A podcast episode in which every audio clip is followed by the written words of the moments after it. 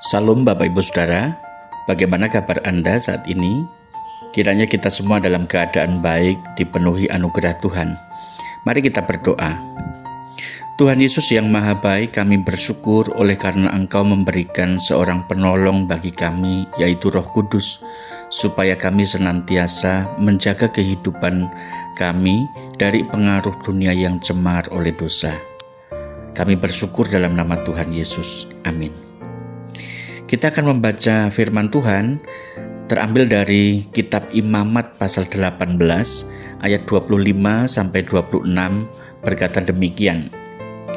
Negeri itu telah menjadi najis dan aku telah membalasnya kesalahannya kepadanya sehingga negeri itu memuntahkan penduduknya. Tetapi kamu ini haruslah tetap berpegang pada ketetapanku dan peraturanku dan jangan melakukan sesuatu pun dari segala kekejian itu, baik orang Israel asli maupun orang asing yang tinggal di tengah-tengahmu. Menjaga hidup kudus. Hidup kudus adalah panggilan umat Allah supaya mereka menjalani kehidupan yang sudah ditetapkan oleh Allah dalam peraturan-peraturan yang dibuat Allah sendiri. Oleh karena kita adalah Allah yang Maha Kudus, maka Dia menuntut kita untuk hidup di dalam kekudusannya.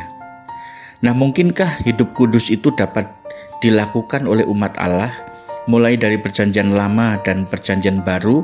Apakah standar kekudusan hidup itu masih sama?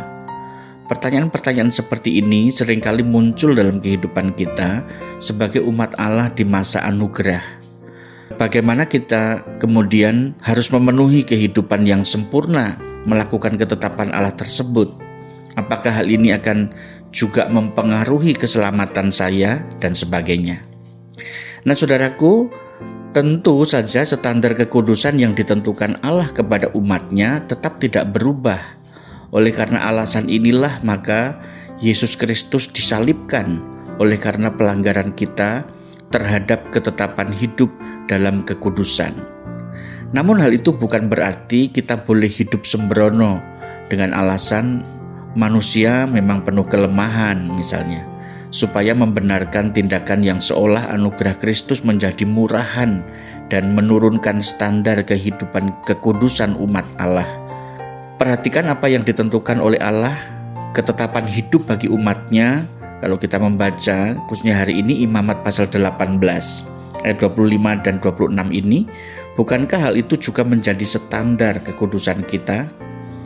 Ada peraturan rumah tangga yang harus kita penuhi sebagai peraturan yang Allah buat bagi umatnya mengenai kehormatan keluarga berkaitan dengan moralitas seksual umat Allah tidak boleh mengambil nilai-nilai dunia ini. Kita berbeda memaknai kehidupan kekudusan seksualitas. Dalam anugerah Tuhan, hal itu diberkati dalam wadah pernikahan. Kita tidak boleh mencemarkan hidup kita sama dengan cara orang-orang dunia memandang rendah kekudusan rumah tangganya melalui kawin cerai, pasangan homo dan lesbi, atau menggantikannya dengan objek lain Misalnya seperti dengan binatang, blue film, boneka seksual dan lain sebagainya di masa masa modern ini. Itu adalah kejijikan di hadapan Allah. Standar ini tetap sama baik dalam kehidupan umat Allah dalam perjanjian lama juga di masa gereja sekarang ini.